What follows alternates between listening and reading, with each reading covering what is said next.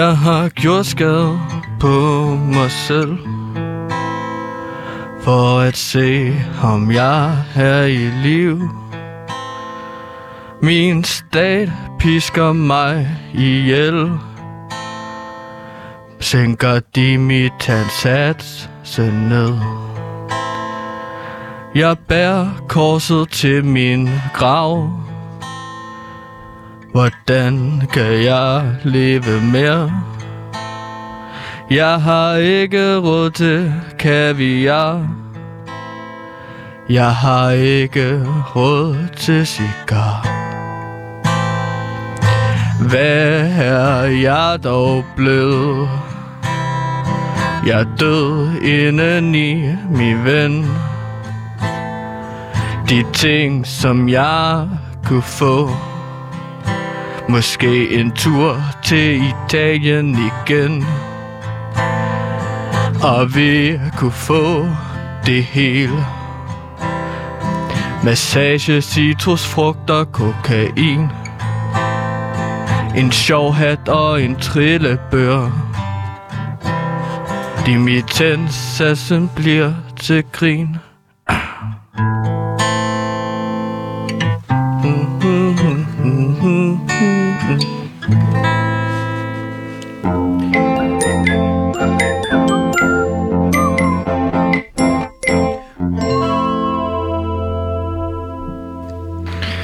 Velkommen til PewDiePie. Mit navn er Sebastian. Jeg er flowmaster på det her program, som egentlig er et nyhedsoverblik med mig i ude i regien. Har jeg min producer Simon. Og over for mig har jeg det, som på hans kontrakt står. Han er researcher og indholdsansvarlig. Men nogle gange tager sig nogle friheder og vælger at være musiker. Må jeg spørge dig til at starte med Gansimir Ertugårdsgaard? Velkommen til programmet selvfølgelig. Og så vil jeg tillade mig at spørge dig, hvad fanden er det, du har gang i? Jo, tak. Jeg ændrer lige på mikrofonen her igen, efter min lille øh, koncert. For jeg så godt, du kom ind med en guitar, og jeg tænkte, pyha, øh, hvad skal vi nu med den? Eller, altså, du ved, du, fordi du har, du har primært brugt gitaren til at slå ud efter folk, altså som et forsvarsvåben, øh, våben, Som fordi jeg ved, lille nogen, catcher. nogen er på jagt efter dig. Men hvor, hvad, hvad går det her ud på? Jamen, det går ud på den måde, at, at jeg har indset, at øh, du ved godt, at regeringen de kommer ud med et udspil meget snart, hvor de gerne vil sænke dimittentsatsen ned. Det betyder, at de folk, der lige er blevet uddannet, nyuddannet, de kommer til ikke at kunne tjene 13.000 kroner deromkring, men 9.000 kroner igen. Ja, Danmark kan mere et. Jeg glæder mig også til toeren. Men altså, øh, det, det talte vi også helt vildt meget om i går. Men hvorfor er det relevant for dig? Du har jo et arbejde her på Radio Loud. Du er vel ikke på dagpenge? Nej, men jeg har fundet et trick, hvor jeg får dimittantpenge. Udover min øh, løn her på Loud, så får jeg også de her 13.500 kroner hver måned. Okay, og hvor meget er det, du får i løn her på Loud? Jamen, der får jeg 13.000 cirka. Det var i, eller hvad? Ja, det varierer lidt alt afhængig af, øh, hvad for nogle podcasts jeg laver ud over her, og hvor meget pant jeg får indsamlet. Okay. Jeg, tager, jeg prøver at finde alle de penge, som jeg kan finde, ikke? og der er dagpengene en af dem. Ja, det er jo også din, øh, eller mere end din fortjeneste, at øh, Loud i dag er kontantfri. Øh, altså, vi, vi havde jo en, en del kontanter i starten liggende rundt omkring. Dem, har, dem, de er blevet fjernet, og alt er blevet digitalt. Ja, dem har jeg taget. Ja, Ja, men altså det, som det så handler om, det er, at nu mister jeg jo så 4.000 kroner om måneden af, af mit samlede beløb, som jeg kan øh, bruge. men må jeg spørge dig om noget til at starte med? Hvordan, hvordan kan du overhovedet få dagpenge, når du har et arbejde? Fordi man får dagpenge, når man ikke har et arbejde. Men du er, har jo det et er arbejde. frivilligt arbejde, det her. Du skriver det ind som frivilligt arbejde, Ja. og så modtager du din, din, din løn kontant, eller hvad? Det vil jeg ønske, jeg gjorde. Jeg har bare fået et til gode bevis.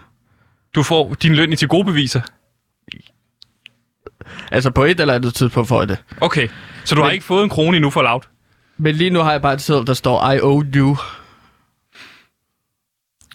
Hvis det giver mening, ikke? Altså, jeg skylder dig løn. Det, Det er det okay. papir, jeg har. Men så lige nu, så tjener jeg penge både med... Altså, der er dagpengene utrolig vigtige, og der går jeg 4.000 kroner ned om måneden, hvilket betyder, at den, altså, de udgifter, som jeg har været vant til at kunne bruge hver måned, dem kan jeg så ikke bruge længere. Jeg er en del af en vennegruppe, Sebastian. Ja. Vi hedder De Velstillede Krise. Og vores vel, øh, vennegruppe Velstillede Krise, du kan vel kalde det en kollektiv af en slags, der er hver måned, når vi så hæver vores dagpenge, så bruger vi dem på ting, der får os til at føle os i live. Så I bruger jeres 13.500. Er det efter skat? Det er før skat. Det er før skat. Ja. Så I bruger jeres hvad, lige omkring lige under 10.000 kroner. hver måned Ja, på, på, på goder. Jamen, for eksempel altså ting, der får os til at føle os som om, at vi er live. Altså, planen var jo, at vi skulle til Sankt Petersborg på hoteltur, hvor vi også skulle i symfo- altså, til symfoniorkester. Vi havde planlagt at uh, tage på Grand Hotel Europe, af Belmont Hotel hedder det, hvor fire nætter koster 5.500 kroner. Nu har vi så ikke nok til at kunne komme til Rusland og slappe af. Der bliver ikke noget kaviar, der bliver ikke noget hummer, der bliver ikke noget som helst. Så dagpengesatsen har været så høj, bare så jeg skal forstå det, at du har fået råd til at rejse for de her penge, tage i spa, øh, leve luksuslivet og spise kaviar og ryge cigar. Ja. Det er altså, dagpengesatsen har været drømmen. Og lige nu så kommer de skide politikere, og så prøver at tage det fra mig og de velstillede grise. Og det Hvem- er hvem- typisk sådan nogle rødsvin. Men prøv lige at spørge mig, stille mig, svar, på mig, svar mig på det spørgsmål i starten. Okay, prøv lige at svare på det her spørgsmål. Hvem fanden er de velstillede grise? Hvem er I? Hvad er det for en vi... vennegruppe? Nå, men det er mig og Clara. Og nogen, jeg læste humaniora sammen med. Okay, så Clara er en af dem. Hvem er ellers De med? måneder, jeg gik der, ikke? Jo. Clara. Øh, Jonathan. Øh, Ishmael. Jonathan Ishmael. Okay, Ja, du har måske set, at han har engang skrevet en anmeldelse i Some Venue. okay. Det, det er ligesom der, han er kommet ind, Ja. og så bruger sin humaniora som... Øh, Så det er bare jer tre, dig, Clara og Jonathan Ishmael. ja, vi kigger bare på hinanden, og så sagde vi, hvorfor fanden skal vi arbejde? Og så startede vi på dagpenge. Når vi får så mange penge i dagpenge, altså 13.500 i skat, mand. Og kæft, det er jo drømmen. Ja, Og så kan man bare leve rigtig, rigtig godt. 13.500 før skat. Ja, Ja. ja, ja. Ja. Og så kunne vi bare leve som drøm, og det var jo helt vildt fedt at komme Men- ud. Men nu kommer de der røde svin og prøver at tage pengene fra, fra os rige mennesker. Mm. Og det vil jeg ikke have. Så jeg, jeg vil starte en ungdomsoprørsgruppe, der hedder Eat the Rich. Eat the rich. Ja, som så er mig. Men jeg ja. spiller bare med på en retorik, så jeg kan få en opstandsgruppe i gang, og så kan vi indtage Christiansborg, og så sørge for at sige til dem, hey, de der 4.000 kroner, det må I ikke tage fra os. Tværtimod, de skal vel Hvorfor sætte skal vi også rige straffes? Men jeg skal bare lige forstå, fordi det der, har fået, det der med, at dagpenge bliver sat ned, det, her, det der har fået stor kritik er jo, at man, man vælger at angribe de nyuddannede, og ikke dem, der har haft et arbejde i lang tid, og så kommer på dagpenge. Der er dagpengesatsen jo forhøjet. Men du siger til mig, alle jer nyuddannede, der kommer ud, I lever som, altså, som rige grise, siger du, velstillede grise, og jeg Ja, har ikke det de godt. rige grise, velstillede grise. Velstillede grise. Ja, det er bare for, altså, for at forstå det. Du siger til mig, at man kan leve stort og sødt på dagpengesatsen, eller hvad? Har så er de jo ret politikerne, så skal man jo skære i det, hvis du lever af gaviar og ryger cigar. Har du, altså, det er noget, sådan noget rødt pis. Har du... Oh, undskyld. Har du... Har du nogensinde set Wolf of Wall Street? Ja, det har jeg. Jeg har set den mange gange, Gantemir. Du ved, der er en af de få ting, vi har til fælles her i livet, så er det, at vi har filmsmag, der er fuldstændig ens. Så Ja. når jeg har været i biffen, så har du altid også været i biffen og set den samme film. Jamen, jeg skal holde øje med, hvad du ser. Hvad er den sidste film, du har set i biografen? Så siger vi 3, 2, 1, og så siger vi det på nu. Er du klar? Ja, 3, 3 2, 1. Green, Green Knight. Knight. Jamen, Vi har fuldstændig Den er så fed, mand. Jeg, jeg kunne ikke lide den. Nå. Øh, Kong Arthur. Hm. En historie omkring ham. Undskyld, du var i gang med at sige noget om Wolf of Wall Street. Åh oh, ja. Ja. Wolf of Wall Street, det er jo meget en til en Instrueret af Christopher Nolan. Det er meget en til en beskrivelse øh, af øh, folk på dagpenge. Okay, altså Ja. siger du til mig, at den bygger i virkeligheden på et, et, en beskrivelse i virkeligheden af, af livet på dagpenge i Danmark? Ja, at det var sådan Martin Scorsese, han så på, at da han var i Danmark i forbindelse med gruppering af, af Casino. Gruppering- Filmen Casino, undskyld, jeg sagde gruppering. Ja. det giver ikke mening. Men øh, han skulle lave filmen Casino, og så så han simpelthen, hvordan dagpengesystemet i Danmark virkede, og hvordan unge mennesker tog ud og flottede sig. Ikke? Så da så han skrev- lavede den her film i, nu kan jeg ikke huske, om den er fra 1990, eller hvornår den er fra, så har 95. Han, 95, så har den Ja. siddet og luret i ham i de her ja, 24 år, 23 år, inden han laver så Wolf of Wall Street. Det På, bagpenge af, på baggrund af da- dagpengesatsen i det, Danmark. Ja, det er en idé, han har brygget på i flere årtier, ikke? Nu. Ja. Så han har brugt øh, ham Wall Street-føreren til at, at øh, personificere folk på dagpenge. Altså Leonardo DiCaprios figur. Okay. Og FBI-filmen er så staten, eller, eller hvem er de? Mettemor. Det er Mette Mor. Ja, Mettemor kommer og tager dine dagpenge fra dig. Ligesom de tager pengene for Leonardo DiCaprio. Ja, lige præcis. Han vil jo bare gerne have det sjovt at kaste nogle dværge afsted mod mål, eller... Har du nogensinde kastet med en dværg? Ja, ja. Ja, flere gange. Og de har også kastet med mig. Så samler de sig fire dværge, og så dyrest? kaster de mig. Hvad er dyrest? At ka- få lov til at kaste med en dværg, eller få fire dværge til at kaste med dig? Det er dyrere at få fire dværge til at kaste med dig. Okay. Fordi du betaler for fire dværge der. Du betaler per dværg. Okay, ja, det giver selvfølgelig ja, sig ja, selv. ja, fordi at det er jo også en del af en aktiv, aktivitet. Det er sådan dagpengefester, som vi har holdt i gang imellem. Med hummer, champagne og buffet. Jeg sidder bare lidt mundlam, fordi at retorikken har jo været den omvendte. Retorikken har jo hele tiden været, at dagpengesatsen har været så lav, at det gør ekstra ondt på de unge nu at få ramt på 4.000 kroner. Men når jeg hører det på dig, så lyder det som om, at, at de 13.500 er mere end rigeligt, og derfor det giver det måske meget god mening, at man sparer pengene her. Hvis du siger, at du kan leve kaviar og cigar, Men du skal tænke på alle de penge der, det er trickle-down økonomi. Det er jo noget, Ronald Reagan han øh, snakkede om dengang. At det er så de penge, som jeg bruger ude i øh, samfundet, de trickler jo ned, så alle de fattige bliver rigere, fordi jeg bruger flere og flere penge. Så på den måde synes jeg bare, at staten skulle gå ind og så give 50.000 kroner for eksempel til øh, til, til øh, nystuderende, men så, nu er det ikke for at grave i din- trickle-down-økonomi. jeg tror ikke, jeg tror helt ærligt ikke, Ronald Reagan tænkte, da han opfandt den her trickle-down-model, tror jeg ikke, han tænkte på dagpengesystemet i Danmark. Ja, det skulle han måske have gjort, så havde han måske været live i dag. Og det er PewDiePie's skarpe opin- øh, Opinion. opinion. Ja, det- jeg skal bare lige forstå det her. Så når du siger til mig, det her trickle-down-økonomi rammer Danmark igen, hvordan er det gavnligt for Danmark, din, den tur, du har forberedt til scenen i St. Petersborg, eller til St. Petersborg, hvor du skal ned øh, på hotel dernede og se det, det russiske symfoniorkester, så bruger du alle pengene i udlandet. Hvordan fanden kommer de tilbage igen til Danmark? Der, kan, der har Jeg Mette ret. skat af det. Ja, øh, Jeg kommer jo tilbage fra Rusland igen. men det er jo en dårlig klar til at forretning. være god samfundsborger igen. Nu, nu, nu prøver jeg bare Jeg lige at... skat af de penge, som jeg får af. Nu prøver jeg bare lige, du har sagt til mig, at jeg skal være mere kritisk, fordi det er den nye retning på, på Loud. Det er jo ikke en god økonomi for Danmark, hvis de giver dig t- øh, 13.500 for så at tage 4.000, øh, lad os sige, de tager 4.000 i skat, Ja. så mister de jo 9.500 kroner lige meget hvad, som de så giver til dig. Altså, så har de jo kun Det er jo fået... trickle down. Det er det, som alle de er konservative trickle down, fordi politikere snakker om i USA, og de kan jo ikke snakke om det, hvis det ikke giver mening. Det svarer til at bygge Storebæltsbroen. Det skaber også en masse arbejdspladser. Det gør jeg det. bruger en masse penge ud i det danske samfund, Men det, når jeg er det, hjemme det, at kræve skat, igen. det at kræve skat af, statsstøttet, af statsstøttede penge, det er jo ikke trickle down, fordi så, så mister du bare lidt flere penge. Men det at bygge et Storbæltsbro, det er trickle down økonomi. Men det er jo ikke Yep. trickle down økonomi i Danmark, at du bruger alle dine penge i Rusland. Ja, for eksempel i sidste uge, der gik jeg, altså der var jeg altså, her i København, og Ja. så, brugte jeg, så købte jeg en ny taske i Gucci. Okay. Gucci nede på strøget. Ja. Og det er jo nogle af de dagpenge, jeg har fået, som jeg bruger på en Gucci-taske. Og det kan jeg ikke se, hvorfor det er usundt, at jeg får nogle penge af staten, som jeg så kan betale rundt omkring forskellige steder. Ja. Om det er restaurant, eller om det er en tur i Tivoli. Det er jo nogle af de ting, som jeg kan bruge penge på, ikke dagpenge. Øh, så jeg, øh, det er mere, jeg, jeg har været lidt trist dernede omkring, at øh, nu vil staten åbenbart fjerne 4.000 kroner fra min øh, månedlige. Så bare lige for at forstå det, Gantemir, du har... En Du har Gucci-punkt øh, mindre om måneden. Ja. Og det, det går jo nok, eller sådan, fordi ved konklusionen må være, ifølge, hvis du spørger mig, Samfundet er kommet. Hvad? Samfundet er gået bankerot? Nej, Gantemir. Konklusionen må så være, at øh, du har ikke fået løn for Loud i al den her tid. De har bare givet en erklæring på, at de nok skal give dig pengene på et tidspunkt. Mm. Derfor har du været på dagpenge igennem hele perioden øh, og levet højt af det.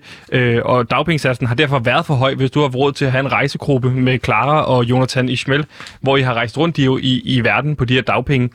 Men ifølge dig, så har den været for, for lav stadigvæk, og nu bliver den endnu lavere, fordi på grund af hvad trickle-down-økonomien som Ronald Reagan Bare spørg Liberal Alliance. Giv flere folk... Øh, Tror du, Liberal- Rige, ha, ha, lad de rige have flere penge. Tror du, Og så liberal... skal vi nok gå gøre det godt. Tror du, Liberal Alliances officielle politik er, at dagpengesatsen skal sættes, sættes op? Det er noget, som de sikkert vil gå med til at forhandle om. Hvis jeg bare bruger trickle Skal du down... forhandle med Liberal Alliance? Det forstår jeg ikke. Nej, Du er ved at starte en oprørsgruppe, der hedder Eat the Rich, som skal, som skal ind på Christiansborg og få fat i de røde lejesvende. det kan godt være, at jeg lige skal have strømlignet mine tanker omkring det. Jeg er bare i syv sind, Det lyder fordi, som om, og nu spørger jeg dig bare, penge. det lyder som om, du er ved at starte et politisk parti, der hedder Eat the Rich. Efter at det her medie har fået Berlingske ind, så er du blevet meget mere borgerlig, Gantemir. Du plejede at være øh, meget mere rød. det, det er utrolig vigtigt med en masse borgerlige idéer. Men jeg kan også mærke, at når du stiller de her kritiske øh, spørgsmål, at jeg måske er i en overgangsfase, hvor jeg snakker om eat the rich, men også trickle down the economics. Hvem er det, du taler om de her borgerlige tanker sammen med? Hvem er det, der rådgiver dig i de her ting? Det er jo primært Morten Messerschmidt og Cepos. Tænketanken Cepos. Det er jo den nye partner til Loud, Cepos Tænketanken. Cepos skal have et øh, nyt program, muligvis herude, Ja. hvor de kommer ind og så snakker om, at... Øh, Hvem er det? Så, så du har et, et fast tidspunkt, hvor du kommer ind i Cepos og har et møde med dem? ja, så snakker vi lidt om... Øh, vi er flere, der kommer ind og så snakker lidt om, hvor, hvordan så vi helst samfundet udvikle sig. Nå, men det kunne være fedt, hvis jeg havde flere penge om måneden, vil jeg så sige til dem. Og så skal vi finde ud af, hvordan får jeg flere penge om måneden. Hvilke, hvilke ledere i dansk erhverv er det, der kommer øh, i det, til de her møder i Cepos, siger du? Nå, Tommy Jalers, blandt andet. Tommy Ahlers. Ja. Buk, Jesper Buk. Nu nævner du altså bare, nu nævner du bare øh, folk, der er med i løvens hule. Ja, men der er en grund til, at de er løvens hulemester, ikke? Det er fordi, de er utrolig smarte. Hvem er der ellers udover Tommy Ahlers og Jesper Buch og Morten Messerschmidt? Paul Dissing. Hvem? Paul Dissing. Han er blevet så underlig borgerlig, altså Sakke skriver... Altså, er vi enige om, at Paul Dissing... Altså, altså, det snakker om sangeren Paul Dissing? Ja, Han er død. det er jeg ret sikker på, at det ikke er. Der er en, der, der er en i den her Cepos tænketang, der påstår, at han er Paul Dissing. Ja. Jamen, du ved, Paul Dissing, sådan, øh, den her 53-årige sangskriver, Okay. siger alle, han er. Ja, okay. Øhm, så Tommy Ehlers, Jesper Buch, Morten Messerschmidt, Paul Dissing øh, og øh, afdøde Paul Dissing. Er der andre fra Løvens Hule, der er med? Nej. Nej, okay, så er det bare dem. Og I, I, I er sammen ved, og de er ved at hjælpe dig med at stifte partiet Eat the Rich, på baggrund af, at du vil have flere dagpenge. Ja. Ganske Øhm. er du opmærksom på, at de ikke udnytter din position i Radio Loud til at sprede øh, borgerlige tanker? Altså værdier. Borgerlige værdier, det, Ja. ja. du, det er... Det siger de bare, at det er ret vigtigt, at man snakker om borgerlige værdier. Ja. når man øh, repræsenterer Cepos. Øh, Og Berlinske også. Øhm, Gantemir, ja, men jeg, ja jeg, jeg ved det ikke. Jeg siger bare, at jeg gerne vil have flere penge, og jeg synes, at Mette Mor er en streng øh, møjso. Okay. Hun Ja. tager 4.000 kroner fra vores... Nu skal vi, der, nu skal vi passe på, hvad vi siger, Gantemir. Jeg vil bare sige, at konklusionen må være, det lyder som om, man har fået rigelige dagpenge.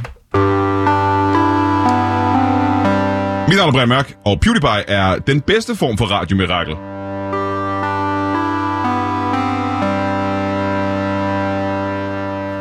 To Qatar og not to Qatar, Gantemir. Sådan mm. har Hamlet jo nok lyt i dag, hvis Shakespeare skulle skrive det. For selvom landsholdet imponerer stort på banen, senest med 5-0 over Israel, så er det en stor problematik, der lurer forude. For det er, at vi nemlig er ved at kvalificere os til VM i 22, som jo afholdes i Katar. Men kan vi tillade os at sende vores landshold til Katar, når tilstanden i Katar er jo, som de er? Gantemir, du er jo vores sportskommentator. Hvad siger du til det hele? Fordi du har jo tit oftest haft den her holdning, at sports og politik, det er ting, man ikke kan skille fra hinanden. Hvordan ser du situationen i Katar lige nu? Jamen, som du siger, sports og politik, det kan ikke skilles fra hinanden. Men her i Katar, så er det altså så tæt knyttet, som det aldrig har været før i fodboldhistorien. Okay, Det bliver det var det samme, du sagde om. OL. At det aldrig har været tættere knyttet, men du, nu Jamen, siger nu du... har det aldrig været Okay, lige nu. knyttet. At Nej. det går meget stærkt. Det, her i 20, 20'erne, at det går meget stærkt, og det bliver utroligt... Altså, det er som om, at vi er ligeglade med ondskab Ja. inden for politik, når bare sport involverer. Ikke? Jo. Så længe vi bare vinder 5-0 over Israel, så er vi lidt ligeglade. Ja. Og øh, ganske mere oven i det hele, så melder det svenske landshold jo ud, at de vil tage på træningstur i Katar. Hvad synes du om, at øh, svenskerne vil tage på træningslejr i Katar? Jamen, jeg synes jo, at fordi at nu har det svenske landshold været meget ude og kritisere øh, det, at man holder VM i Katar mm. på grund af migrantarbejdernes forhold dernede. Øhm, og der siger jeg jo så, at øh, der er de nogle hygler. Der er de nogle hyggeler. Ja, der er de nogle hyklere, fordi at, at de vil jo gerne lige ned og så spille noget træningsbold på de baner, så de har en fordel for, over for danskerne for eksempel. Ja. At øh, det har de ikke noget imod, at få nogle fordele ved at tage ned og så udnytte en situation, hvor folk... Men du er jo øh, Radio Louds øh, sportskommentator. Du påstår jo, du har markante holdninger. Det her med, at svenskerne er hyggelige, det er jo den holdning, alle har haft.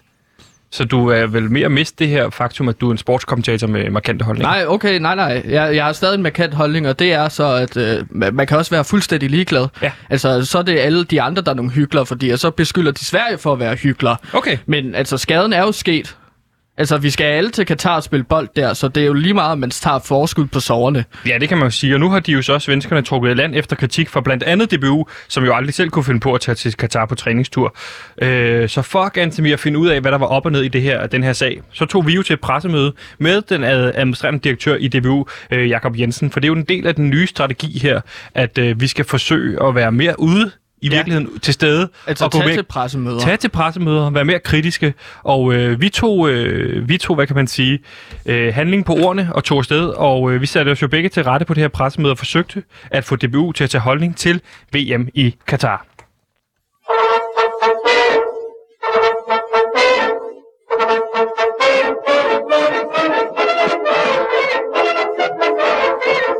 Mm.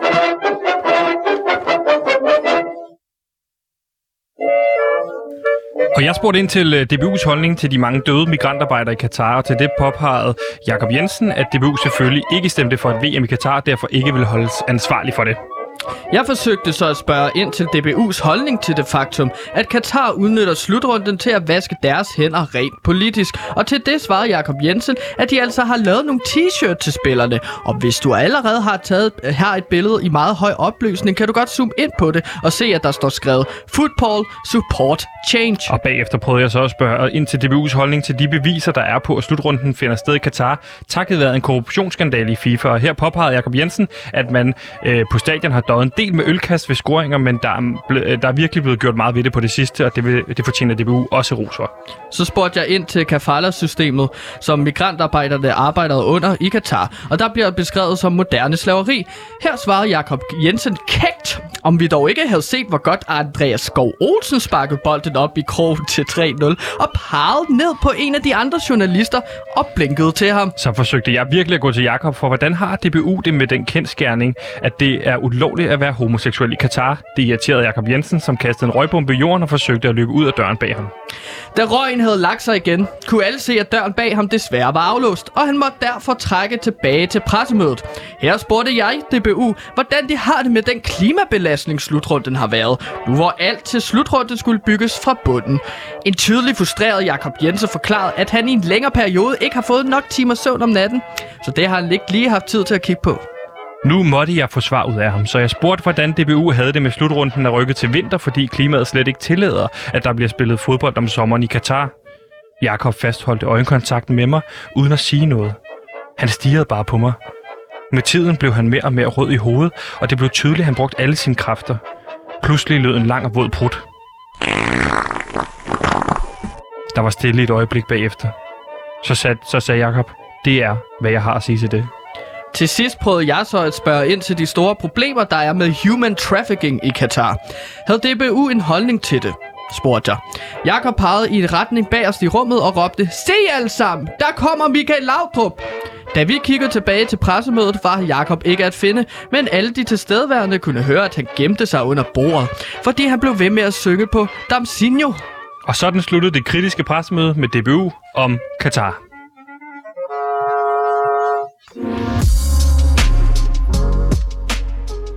MySpace, undrende emojiface. En podcast for dig, der er født efter årtusindskiftet og ikke forstår, hvad godt indhold er. Vi har hyret en masse unge influencers til overpris for at lave podcast, på trods af, at de ingen erfaring har. Hverken med podcast eller for den sags skyld med arbejdsmarkedet. Og selvom vi er mange unge, talentfulde, dybe stemmer på laut med gode idéer, så får man pludselig at vide, at de 349 følgere, man har, ikke er nok til at lautkaste penge efter ens håb og drømme. Sådan noget forbandet pis. Lyt til MySpace, undrende emojiface, eksklusivt på Loud.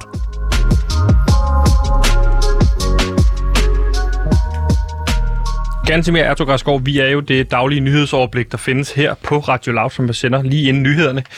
Gansimir, ja. Du er jo begyndt, som jeg forstår det, at øh, forsøge at få gang i MySpace igen. Hvad er det, det går ud på? Jamen, det er jo fordi, at jeg, er jeg som så mange andre mennesker derude, vi er jo vokset op med MySpace.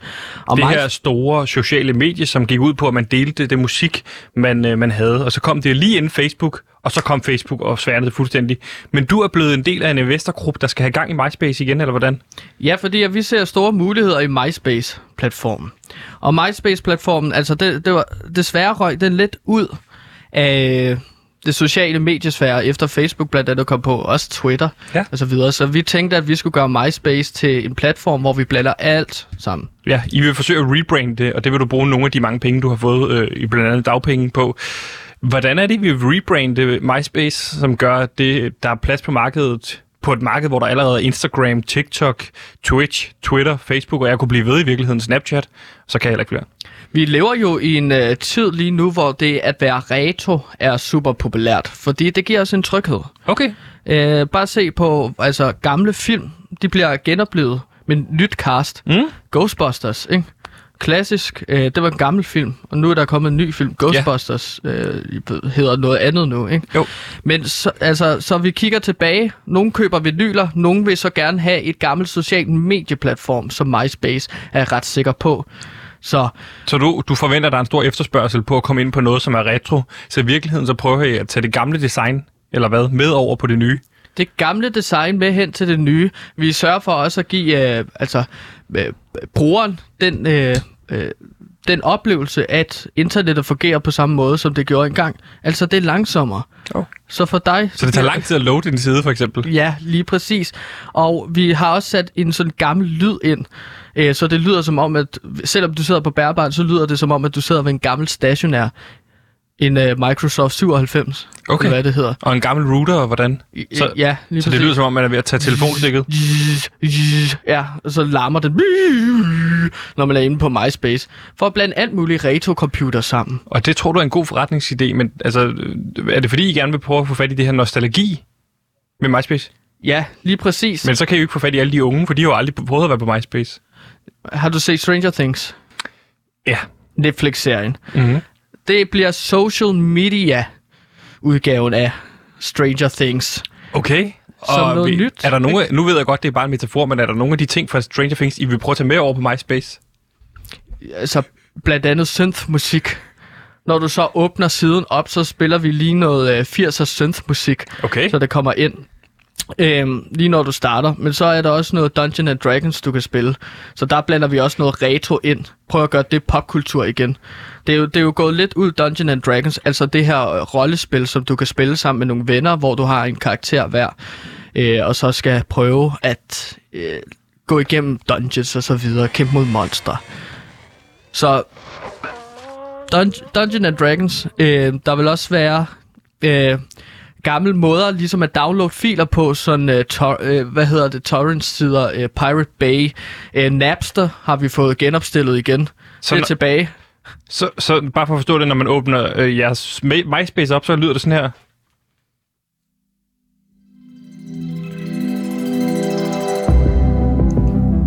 Ja. Og så bliver man budt velkommen med ham, Tom, der sad med ryggen til og, og kiggede øh, på en. Så Tom fra MySpace. Og så tror man i virkeligheden, at man skal ind på en MySpace hjemmeside, hvor der er musik og sådan noget, men i virkeligheden så starter der et, et, et, et hemmeligt Dungeons Dragons spil op. Ja, og så øh, giver vi dig bare hurtigt en karakter, fordi at det kan også tage for lang tid at skulle udvælge karakter. Så du kan blive en elver øh, druide, for eksempel. Og så skal du så lige spille noget Dungeons and Dragons. Og den det gør det rigtig retro. Og den karakter, man så har, den er så beskrevet med den MySpace-profil, man bliver til, tilkendt, når man kommer ind. Jamen, så er der et billede af en elver, og hvad for en class du er, og profilbilledet har vi så også sørget for dig. Det har vi brugt rigtig mange millioner kroner på en, en teknologi, der ligesom laver øh, et helt specielt ansigt til dig. Det lyder mere som om, I har lavet et computerspil, øh. altså hvor I bruger MySpace interface til at lave et nostalgisk uh, Stranger Things-baseret uh, Dungeons Dragons-spil i virkeligheden, mere end det er et socialt medie, eller hvad? Hvad, altså kommer Jeg man til at bruge... ikke afsløre, hvad vores øh, samarbejdspartner er. Hvilket jo, Gantemir, er en meget bedre idé, end bare at genopleve MySpace, fordi det tror jeg simpelthen ikke, der er... Fordi jeg tror måske også bare, den findes stadig, hvis det er. Så det her med at lave... Altså, det lyder ekstremt originalt og ekstremt spændende, at du har valgt at lave en, en Dungeons Dragons computerspil online, altså man kan tilgå via øh, de, sin browser, Ja, ja, det er kæmpe... base, baseret inde i en MySpace-rammer. Det, det er en kæmpe verden. Øh, det er en kæmpe verden, hvor vi har en stor server, hvor der kan være 10 millioner mennesker lige nu i det her samlede univers, eller World of Warcraft. Øh, samtidig så igennem MySpace, så skal du så også øh, løse nogle gør, gåder og mysterier, Okay. øh, så du også har lidt øh, interaktiv øh, måde at agere på. Forestil dig Facebook, hvis du øh, sad med din gruppe af venner, og I bare chattede, dig og dine seks øh, venner, og så får du så en venneanmodning for et monster, og så skal du kæmpe Så, så skal man... du kæmpe mod det monster, og så bliver du ledt videre til en ny quest. Det lyder virkelig, altså det lyder virkelig fedt i virkeligheden, det her med, at, at det, at Dungeons Dragons spillet er sat ind i et online-univers, altså at man er blevet fanget inde i virkeligheden i MySpace, og hele mm. historien tager udfoldelse inde på et socialt medie. Men kan man ikke Ja. bare, hvis der kommer en, et monster, som laver friend request, kan man så ikke bare sige afvis? Jo. Fordi at det, det kan du jo så også i Dungeons and Dragons. Der kan du vælge bare ikke at gå ind i en rum. Okay, så det bliver meget kedeligt, hvis man bare afviser alt. Ja, hvis du bare afviser ting, så får du aldrig den fulde oplevelse, som vi på øh, MySpace kan tilbyde dig. Ikke? Du kan også vælge at slukke din Playstation, når du ikke gider at spille mere. Mm. Men er det sjovt? Nej, du vil gerne have den næste quest. Ja. Den næste oplevelse, det næste mysterie på myspace.com. Øhm, så ja, det er sådan noget, øh, jeg arbejder på som en masse investor. Øh, Hvilke, det- hvilke investor er det? Jamen, Cepos er inde over det. Så du siger til mig, at den Men jeg Cepos kan ikke tænketank. Ja, også udvikler på et Dungeons Dragons computerspil. Jesper Buch ser rigtig store muligheder i det her. Hvor mange penge har han lagt? Han er øh, 1 million kroner. 1 million kroner. Ja, Er Tommy Ahlers også med? ja, han har skudt øh, 60 millioner ind. For 20 procent af firmaet. Hvor mange Ja. procent har, har Jesper Buch fået for 1 million? 15 procent. Han er en hård hund. han er en hård hund at forhandle med. Det kan jeg love dig for. Så det bliver spændende trepart samarbejde mellem mig, Tommy Ahlers og Jesper Buch, hvor vi skal have lanceret den her retro-udgave af så, MySpace, hvor man også kan spille Dungeons and Dragons Det- på. Øhm, Det lyder som... Øh, ja, det var noget en breaking her i... Øh, i PewDiePie, at altså øh, Gantemir lige nu udvikler på et computerspil, baseret inde i MySpace, hvor folk bliver fanget ind i et Dungeons Dragons-spil, baseret på øh, universet i virkeligheden i Stranger Things. Rigtig spændende, Gantemir. ja, og hvor skurkene er de rej øh, øh, røde lejesvend, Ja, nu hedder gruppen. jeg skal passe på, at du ikke lukker for mange ud af det, at publikummer ved at være meget politisk spil. Om de er ikke politiske, det er sådan en røverbande, der går rundt og stjæler fra de fattige. Der hedder de, rige. røde lejesvend. Ja, de stjæler fra de rige og giver til de fattige, hvilket sådan helt moralsk er jo forkert. Du må ikke bare stjæle. Så du Altså- har en skurk, der hedder Robin Hood. Ja, han, er, han hedder så, øh, fordi vi, jeg kunne ikke finde ud af med copyright, så han hedder øh, Reben. Reben Skov. Rabin Skov. øh, og han er, ja, han er, han er også en ung mand. Øh, med et øh, kæk, kæk smil, men det er jo så ham, du skal slå ihjel, fordi han, han prøver at øh, røve fra de rige, og det må man ikke. Hej, jeg hedder René Fredensborg. Jeg øh, stemmer på PewDiePie.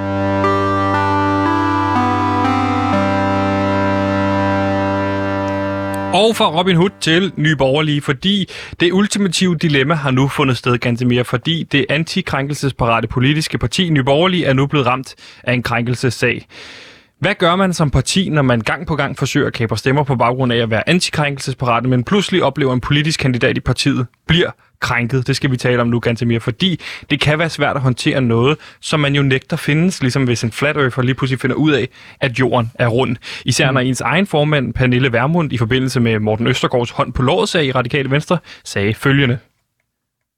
Det vil ikke være sket hos os, fordi vi har en ret fri tone hos os. Vi har en, og gudskelov, for det er en kultur, hvor vi taler åbent om tingene, og hvor sådan et anlæggende her ville være et anlæggende mellem de to mennesker, hvor den ene formentlig ville noget, som den anden ikke ville. Det blev aflyst, og så var der ikke mere af det.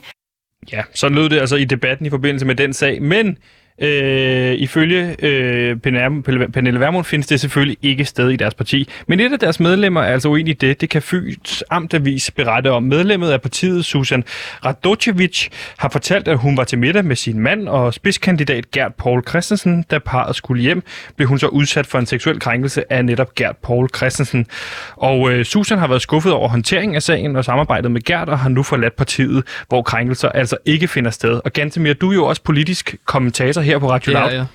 ja. Og øh, jeg tænkte måske, at vi kunne tale en lille smule om, hvad Nye Borgerlige gør her. Fordi lige nu er de jo et sted, hvor de påstår, krænkelser ikke finder sted i deres parti, øh, og nu er det altså fundet sted.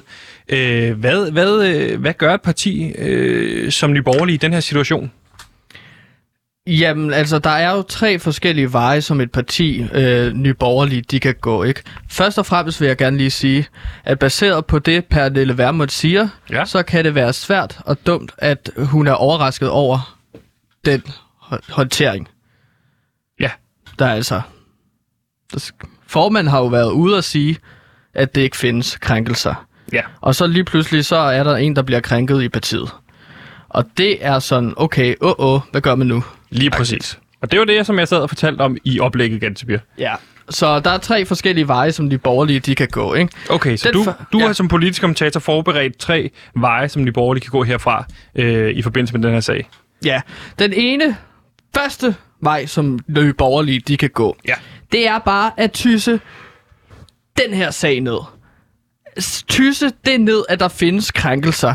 Det er jo det helt klassiske råd at give til politikere og partier derude. Ja, det er jo også en, en, en, en, en vej, du oftest øh, præsenterer, når vi har med sådan nogle her, også med shitstorms og sådan noget at gøre. Men det er også den vej, du siger er kedeligst. Altså det er den vej, man oftest ikke skal gå, fordi man får ikke så meget ud af den, eller hvad?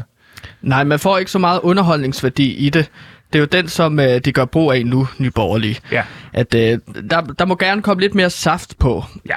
Og de har jo ligesom, øh, lige nu har de jo valgt, Pernille Vermund har jo ikke udtalt sig om den her sag lige nu, og lige nu er det jo kun en lille, det er jo Fyns Amtavis øh, lille, det er jo meget større end os, Og lavt. og Loud, Ja, ja. Som, øh, og, og BT mener jeg, som har ligesom behandlet den her sag. Og det er det. Altså, så der er vel ikke, vi er vel ikke ude i der, hvor vi kan kalde det her for en shitstorm, eller hvad? Nej, den har ikke øh, endnu udviklet sig til en shitstorm.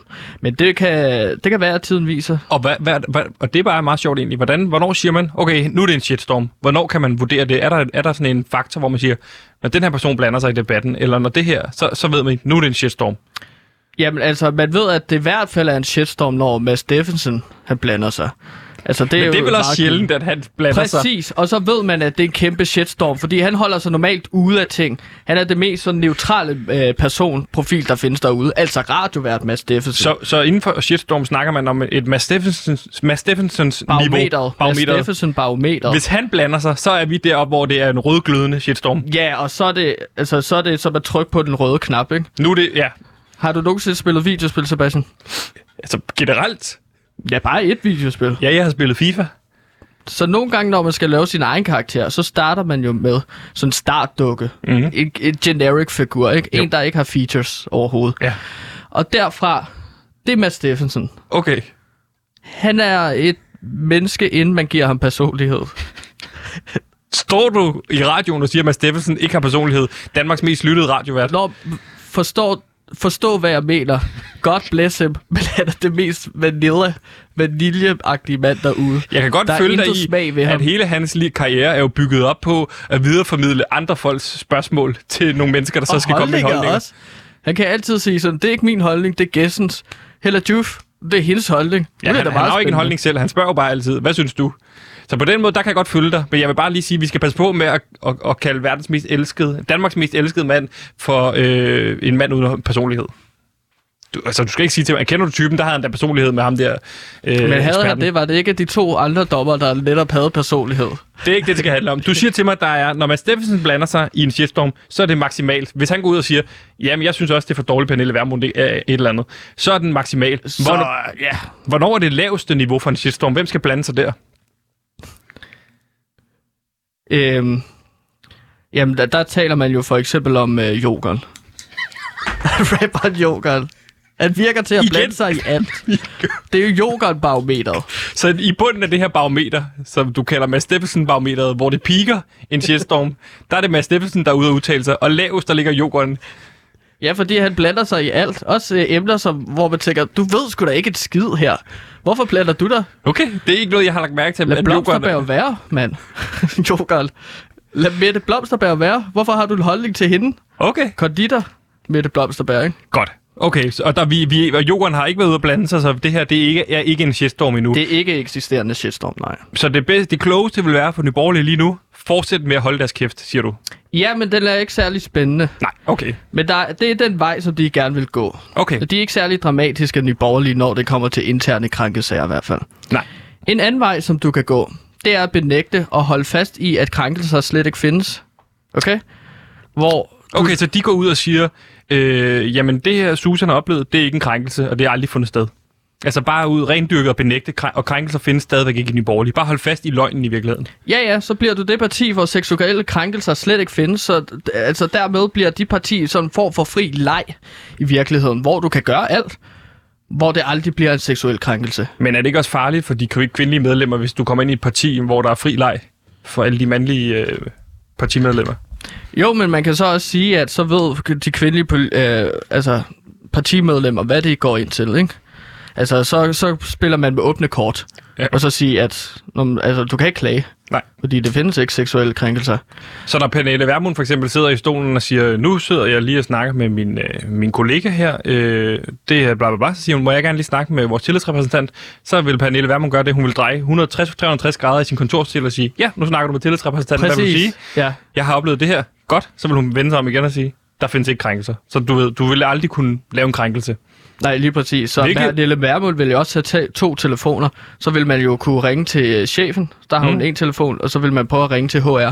Så vil hun også tage telefonen, Human Resources. Mm. Fordi, hun, fordi hun bare vil kunne sige til folk sådan, nej, øh, altså, der er ikke noget at komme efter her. Det lyder som en meget farlig tilgang. Er der nogle muligheder i den her? Er der nogle positive muligheder i den her tilgang? Ja, det er der jo for øh, satan. oh my god, Sebastian, der er nogle store fordele i at ligesom sige, at her er der fri leg. Der, er der kan ikke være seksuelle krænkelser Altså, i det vores her, parti. det, her, det her er et vakuum af et verden. Det er en parallel verden, hvor der ikke findes krænkelser. Ja, et safe space for krænker. Du kan få en hel masse politiske profiler, der råder ud af varmen på Christiansborg, ind igen. I, Okay. Og så kan de komme ind på altså, i, i en ny borgerlige partiet, ikke? Så folk, der råd ud på baggrund af seksuelle krænkelser, kan nu blive medlem af partiet, fordi at seksuelle krænkelser findes ikke. Så det er det faktum, at de råd ud i første omgang, findes slet ikke. Nej, nej, præcis. Altså, vi snakker tungedrenge. Vi snakker Nasser Carter. Ja, Vi snakker Frank Jensen. ja. Altså tidligere overborgmester. Come on. Ja, Morten Østergaard, tidligere partiformand Ja. ja. for Radikal Venstre. Come on. Og så har du også Christian Hegård, en stor profil for, øh, for Radikal Venstre, ikke? En kæmpe det, det profil. er primært bare radikale venstrefolk, der kommer ind, ikke?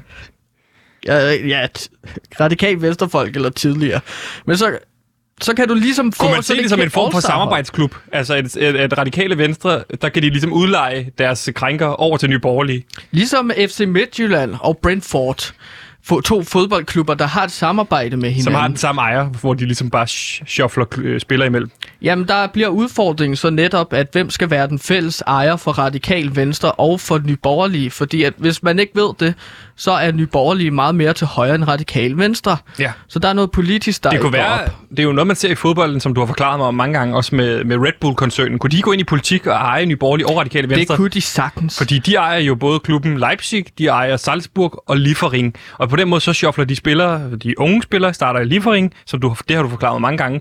De bliver så rådet videre til Salzburg, og så ryger de så videre til Leipzig. Altså at de ryger sådan videre, og det er så Red Bull, der ejer dem hele. Ikke? Kan man forestille sig, at Red Bull går ind i politik? Og så ejer Radikal Radikale Venstre, Venstre og Nye Borgerlige. Nye Borgerlige, og på den måde er der meget bedre kommunikation mellem de to hold. Ikke? Hvis så de de kommer til at hedde. Red Bull Radikal og Red Bull Borgerlige. Ja. Fordi at navnet skal indgå fra koncernen ind i partiets navn. Ja. Øhm, så det kan man sagtens, og det er en meget spændende strategi, Må, du må, kommer må, med. må et firma godt eje et politisk parti i Danmark? Ja, det står ikke i grundloven sjovt nok.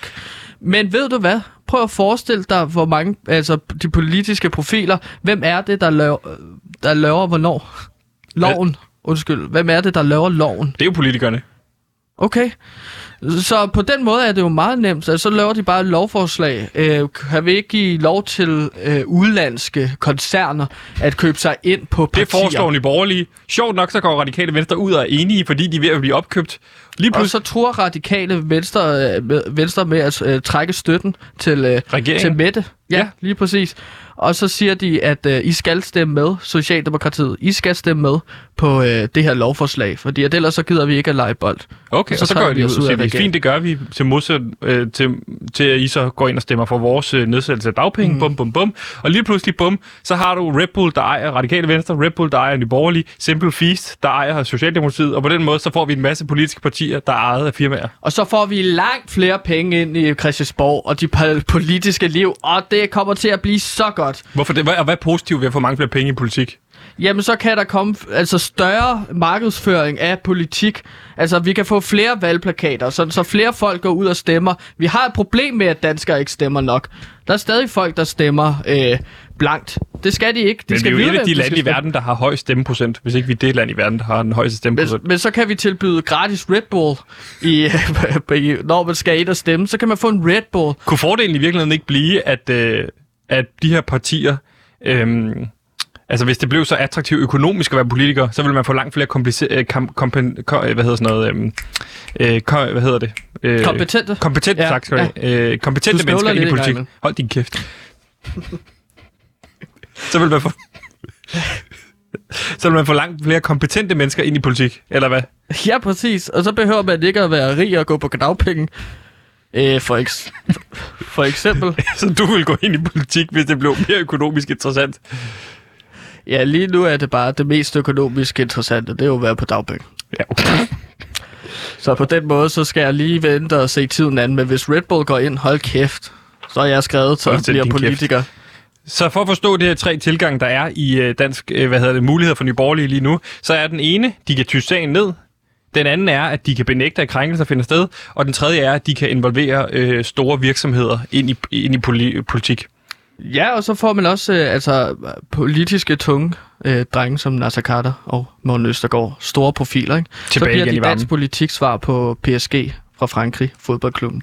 Du har mange fodboldmetaforer øh, i dag. Jamen, jeg er også en øh, sportseksperten herude på Loud. Det så rigtigt. jeg har nogle øh, vinkler, som ikke mange øh, politiske kommentatorer har ude i samfundet. Du ser jo aldrig David Træs komme med en lille fodboldbemærkning, når han Det lyder også nogle gange mere, som om du bare blander tingene sammen, end du, du reelt sådan, du laver nogle... Det gør det lettere at forstå verden, hvis du bare har et, altså sådan, et vinkel at se alting igennem, ikke? Fordi at det der, folk har prøvet at sige til mig før, sådan, altså det er mere kompliceret end som så. Det tror jeg ikke, at det er. Jeg tror bare, at du skal se alt som om, at det er fodboldklubber og fodboldspillere. Og på den måde, så har jeg jo reddet min røv flere gange som ekspert. Og når du så, fordi du har jo sagt, at i næste uge, så skal vi have Afghanistan-tema, så har du tænkt dig at gøre det ud fra en fodboldvinkel. Ja, altså, al- altså Afghanistans historie er ikke sværere, og den politiske altså, konflikter, der er i Afghanistan, det bliver ikke sværere at forstå, hvis man ligesom har det igennem en fodboldallegori. Nej, det er jo de samme mennesker, der finansierer Taliban, som der finansierer Messis løn. Ja, lige præcis. Og jeg har faktisk en allegori for tilbagetrækning af tropperne. Kan du huske FC Vestjylland i Superligaen? Ja, der var øh, Riemanns Kurt der, der købte FC... Riemanskurt. Han var inde og gøre det til en Superliga-klub. Ja, Så trækker han sig ud igen. Så ryger det ned i Danmarksserien. så, Så, så på den måde, altså, når du trækker noget ud af, et sted, af en klub, af en organisation, så sker der ændringer, som måske gør, at det falder ned i et niveau. så du mener, at Afghanistan en til en kan sammenlignes med FC Vestjylland, fordi det er bygget på et skrøbeligt fundament? Ja, lige præcis. Det er ganske mere skarpe politiske, skorstræk historiske, skorstræk øh, politiske analyse. Du har aldrig hørt radio før, som du kan høre det i programmet Limbo. Lyt med, når vi på Radio Loud følger to unge radioværter, der er fanget i en tilstedeværelse mellem liv og død på et kælderloft, hvor hverken tid eller sted eksisterer. Limbo er programmet, hvor to værter er fanget i et cirkulært tidsloop og skal finde ud af, hvordan man lige håndterer sådan en situation. Du har aldrig hørt radio før, som du kan høre det. Du har aldrig hørt radio før, som du kan høre det i programmet Limbo. Du har aldrig hørt radio før, som du kan høre det i programmet Limbo. Du har aldrig hørt radio før, som du kan høre det i programmet Limbo. Du har aldrig hørt radio før, som du kan høre det. Du har aldrig hørt radio før, som du kan høre det. Du har aldrig hørt radio før, som du kan høre det i programmet Limbo. Limbo er programmet, hvor to værter er fanget i et cirkulært tidsloop og skal finde ud af, hvordan man lige håndterer sådan en situation. Lyt med, når to unge mennesker skal finde ud af, hvad de kan lave i løbet af en slaveagtig tilstedeværelse. I Radio Louds egen Limbo-podcast. Gantemir, vi talte jo i slutningen af programmet i går også en lille smule om de nye podcast, øh, der kommer her på Loud, blandt andet Min Gravsten med Jøden, talte vi jo rigtig lang tid om i går. Ja, rapperen, Jørgen. Ja, ikke bare en jøde, men Nej, jøden. nej. Ja, altså, præcis. han er jøden i Danmark, ikke? Jo. Og så er der Martin Krasnik. Ja, men han er så jøden nummer to. Det er en spændende øh, duo, man kunne lave der. Så kunne man øh, lave... Jøden ligesom, featuring Martin Krasnik. Ja, ligesom du ved, at øh, Jørgen Let har også øh, samarbejde med Michael Simpson. Øh, de, hedder, de hedder noget. Ja. De, øh, jeg kan ikke huske det, men så er det Jørgen Let, der sidder og digter. så Bak, kunne, magak. jamen, så er Michael jeg Simpson... sidder bare, vi sidder bare lige her. Ja, lige præcis. At så sidder Michael Simpson og en anden komponist og sidder og laver musik rundt om Jørgen Lets digte. Så kunne Jøden jo også lave nogle fede beats, og så Martin Krasnik kunne komme med dagens uh, nyhedsoverblik. Det er et spændende, spændende samarbejde der. Det må du foreslå. Jøden og Jøden, kunne man kalde det måske, Ja. podcasten. Det skriver jeg lige ned. Så skriver jeg til Martin Krasnik og Jøden. Ja. Gør det. Du har jo nummer på dem begge to. Men ganske mere i den forbindelse har vi jo fået en ny udviklingschef her på øh, Radio Loud, nemlig Anders Christiansen, som vi har... AC. Det kalder du ham, Ja, det gør jeg i hvert fald. for lige at blive lille fodboldens verden. fodbold uh, Ja, lige præcis. AC, Anders uh, Christiansen. Øhm, Andreas fodboldspiller på Christensen, den danske... Anders kri- ja. ja. Der er jo præcis, to AC'er AC'er. også på, øh, på det danske Nu A-landshold. er der så tre, ikke? Ja, han Tre spiller. AC'er. Nu er der tre AC'er. Yep. Giver det ikke bare mere forvirrende, at du har lavet en ny AC, og du har lavet en ny jøde? Lidt. Nu er, der, nu, nu er der også to jøder, og nu er der tre AC'er. Der kommer sikkert en fire. Det er ikke så nemt at huske navne, Nej. men det er endnu sværere at huske, hvem hvad er. Vi har i hvert fald fået en ny øh, programudvikler, chef, øh, udviklingschef her på, øh, på Radio Loud, som vi får ind fra Wingman Media. De samme mennesker, som også har finansieret den dokumentar, vi arbejder på lige nu om øh, Radio Loud.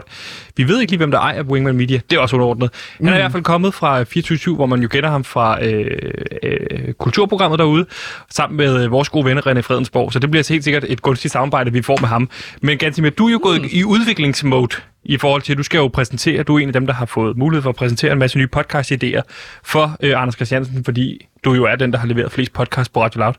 Hvad By er så- far. By far. Skal jeg lige sige. By far. Øh, Many podcast. hvad er den podcast lige nu, som du glæder dig mest til at præsentere for Anders Christiansen? Fordi han er jo meget en kulturmand, så jeg ved, du har bevæget dig meget i det her kulturfelt. Ja, og der har vi jo manglet nogle kulturelle podcast, er der blevet sagt, som er kritiske. Og øh, derfor skal jeg lave et kulturkritisk podcast, hvor jeg tager ud og ligesom... Øh, Hvad hedder den podcast, som du udvikler på lige nu? Altså, det hedder øh, Store Skænderier med kunstnere. Og hvad går det så ud på? Må jeg Nå, gætte? det er, ja, Det er store skænderier med kunstnere. ja, lige præcis. Men jeg twister det lige sådan så, at, at de faktisk ikke er forberedte, når jeg dukker op.